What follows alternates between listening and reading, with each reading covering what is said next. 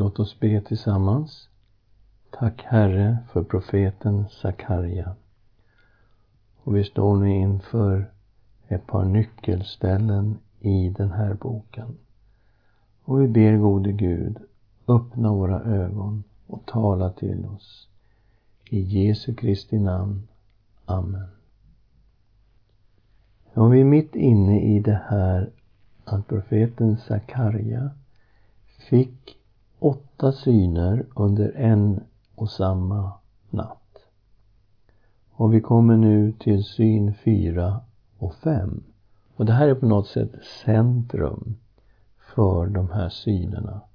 Den tar upp två jätteviktiga frågor. Hur är det med översteprästen? Det var ju inte självklart. Guds domar hade gått över Jerusalem. Staden hade förstörts, templet hade förstörts, folket hade förts bort i fångenskap till Babel. Och nu var det en grupp som hade kommit tillbaka. Och de skulle nu bygga templet i Jerusalem. Så det var inte självklart att Gud skulle acceptera templet. Det var inte självklart att han skulle acceptera översteprästen Josua som sin överstepräst med tanke på att hans domar hade gått över allt detta. Det var inte självklart att han skulle acceptera offren och gudstjänsten i templet. Och det var inte självklart att han skulle acceptera Serubabel som sin tjänare, den som skulle leda folket. Han var ju ståthållare för judarna. Och nu kommer vi då till det tredje kapitlet och vi ska se detta med översteprästen Josua och Guds frälsning. Kapitel 3, 1 till 10. Och det första vi ska se är att Josua får uppdraget som överstepräst. Vi kommer att möta en rättegångssituation här. Vi möter Josua som står inför Herrens ängel och Satan står på hans högra sida som en åklagare för att anklaga honom. Vi läser kapitel 3, vers 1. Sedan lät han mig se översteprästen Josua stå inför Herrens ängel och Satan stod vid hans högra sida för att anklaga honom. Vi får också intryck av att det fanns åhörare här i form av änglar förstås. Men även av prästerskapet. Vi ser det i vers 7 och vers 8. Vi anar att prästerskapet är närvarande. Därför att hela den här rättegången och utgången av den har att göra med prästerskapet.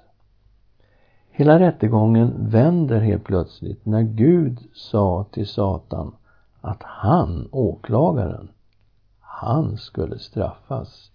3 och 2. Men Herren sa till Satan, Herren ska straffa dig, Satan. Ja, Herren ska straffa dig. Han som har utvalt Jerusalem. Är inte denna en brand ryckt ur elden? Och troligen är det Josua som avses som är som ett brinnande vedträd som har ryckts ut ur elden och nu ska få en ny chans. Josua var klädd i smutsiga kläder och han var verkligen inte värdig att tjäna som Herrens överste präst i det tillståndet. Kapitel 3, vers 3. Josua var klädd i orena kläder där han stod inför ängeln och orena kläder här, det, det, är inte bara lite smuts på kläderna. Det här är så smutsigt och orent som man kan tänka sig. Och Gud sa att han ska ta bort Josuas skuld. Man skulle ta av honom de orena kläderna och klä honom i nya, rena prästkläder. Kapitel 3, vers 4. Och ängeln sa till dem som stod inför honom, ta av honom de orena kläderna.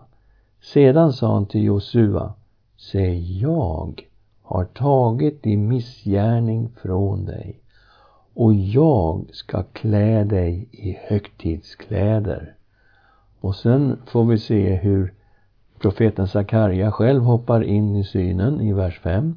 Då sa jag, sätt en ren turban på hans huvud. Och de satte en ren turban på hans huvud och tog på honom kläderna medan Herrens ängel stod där. Så här har vi en bild på frälsningen. Den totala förlåtelsen. Och översteprästen kläs i rena prästkläder. Och det här innebär ju att Josua skulle få chansen att tjäna som överstepräst i det nya templet som de höll på att bygga. Vi läser i kapitel 3, vers 7. Så säger Herren Sebaot, om du vandrar på mina vägar och håller mina befallningar så ska du få styra över mitt hus och vakta mina förgårdar. Du ska få en plats att vandra på bland dem som står här. Det är klart, det väcker ju en fråga vilka de är. Att Josua ska få en plats att vandra på bland dem som står här. Och jag tror att det syftar på prästerskapet i ljuset av vad som stod på spel. Och så kommer vi till andra delen av den här synen. Gud skulle frälsa hela folket på en enda dag. Kapitel 3, vers 8 till 10. Hör Josua, du överste präst. Du och dina medbröder som sitter här inför dig. Dessa män ska vara ett tecken. Se, jag ska låta min tjänare, telningen, komma. Se den sten som jag lagt inför Josua. Över denna enda sten vakar sju ögon. Och se, jag ska gravera in en inskrift på den, säger Herren Sebaot. Och jag ska utplåna detta lands missgärning på en enda dag. Oj. Och slutresultatet skulle bli ett tillstånd av fred och frid. Och det är klart, det finns säkert en koppling till ståthållaren Serubabel som var en Davids son och som finns med i Jesus släkttavla. Men begreppen vi möter här är messianska. Och det har vi sett hos tidigare profeter. Och de här begreppen används på flera ställen i Nya Testamentet. Först har vi begreppet Herrens tjänare. Se, jag ska låta min tjänare komma. Okej? Okay. Begreppet Herrens tjänare är ju helt centralt i andra delen av Jesajas bok. Och det är de här avsnitten om Herrens tjänare som mynnade ut i Herrens lidande tjänare i Jesaja kapitel 53 som förklarade hur tjänaren skulle bli Guds frälsning till jordens yttersta gräns. Vi läser Jesaja 49 och 6. Han säger Det är för lite att du bara är min tjänare som upprättar Jakobs stammar och för tillbaka de bevarade av Israel. Jag ska sätta dig till ett ljus för hedna folken för att du ska bli min frälsning ända till jordens yttersta gräns. Och klart man undrar ju hur tjänaren skulle kunna bli Guds frälsning till jordens yttersta gräns. Ett ljus för alla hedna folk. Och så kommer vi till det överraskande i Jesaja kapitel 53. Att han skulle bli det genom att offra sig själv och ta på sig all vår synd. Vi läser Jesaja kapitel 53, vers 4 till 6. Men det var våra sjukdomar han bar, våra smärtor smärtor tog han på sig medan vi såg honom som hemsökt, slagen av Gud och pinad. Han blev genomborrad för våra brott, slagen för våra synder. Straffet blev lagt på honom för att vi skulle få frid. Och genom hans sår är vi helade. Vi gick alla vilse som får. Var och en gick sin egen väg. Men all vår skuld la Herren på honom. Och här får vi höra att Herren ska låta hans tjänare komma. Han skulle låta telningen komma. Ja, begreppet telningen, det pekar ju rakt emot avsnittet som beskriver hur telningen, Davids son, skulle skapa ett rike som liknade själva paradiset. Och det är Jesaja 11, 1-10. Vi ska läsa de verserna om telningen. Men ett skott ska skjuta upp ur Ishais avhuggna stam. En telning från hans rötter ska bära frukt. Vem var Ishai? Och det var ju Davids pappa. Och hela Davids ett var som ett stort träd och nu var det avhugget. Men det skulle komma ett skott ifrån den här stubben. En telning skulle komma. Nu läser vi om telningen, vers 2. Över honom skulle Herrens ande vila, ande med vishet och förstånd, ande med råd och styrka, ande med kunskap och vördnad för Herren. Han ska ha sin glädje i vördnad för Herren. Han ska inte döma som ögonen ser eller avgöra vad öronen hör. Utan han ska döma de fattiga med rättfärdighet och med rättvisa skaffa rätt åt de ödmjuka på jorden. Han ska slå jorden med sin muns stav. Och vad är det för stav som kommer ut ur telningens mun? Ja, det är Guds ord. Han ska slå jorden med sin muns stav, döda de ogudaktiga med sina läppars ande.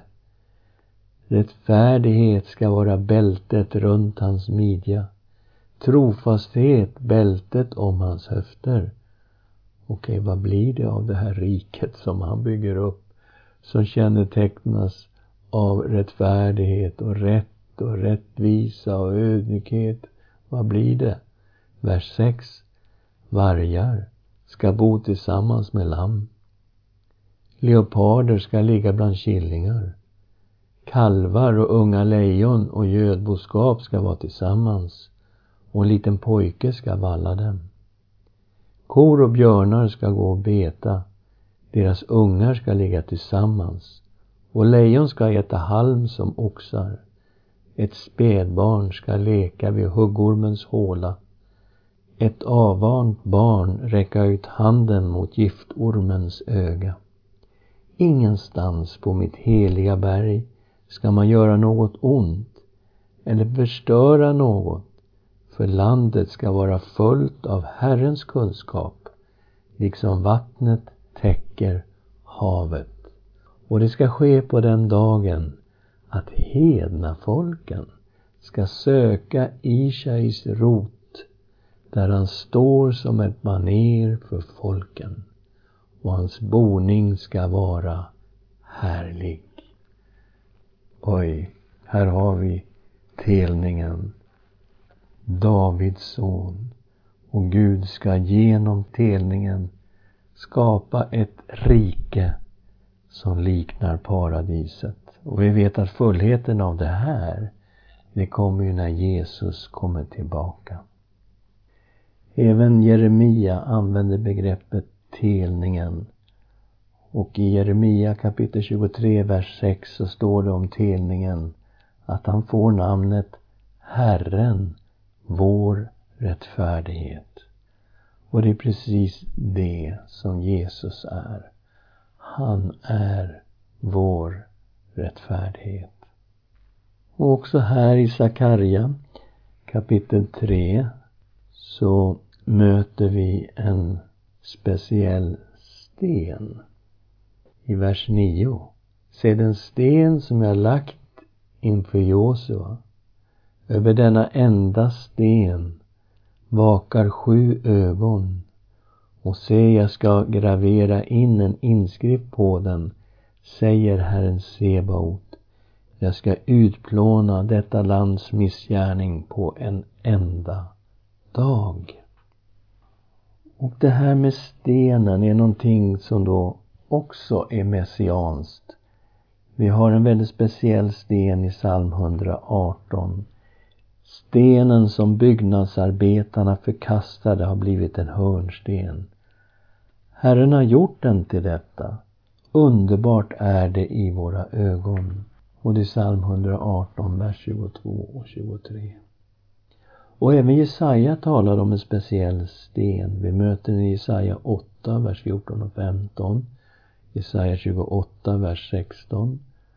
Och sen när vi kommer till Nya Testamentet så finner vi ju att Jesus, Paulus och Petrus citerade de här verserna om stenen. Vi finner det i Lukas 20 och 18.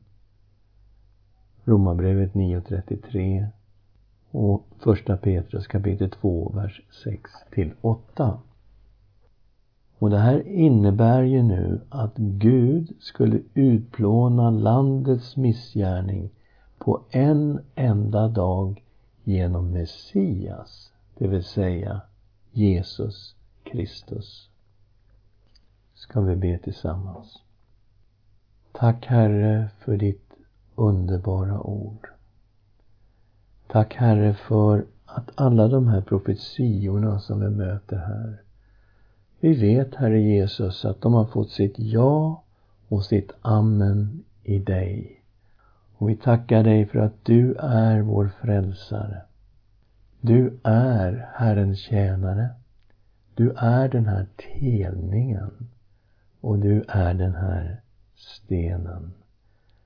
Tack Herre för att också detta fantastiska på en enda dag utplånades skulden när du gav ditt liv för oss på Golgata. Och vi vet, Herre, att det är ditt blod som renar oss från all synd. Tack vår älskade Herre Jesus Kristus. Amen.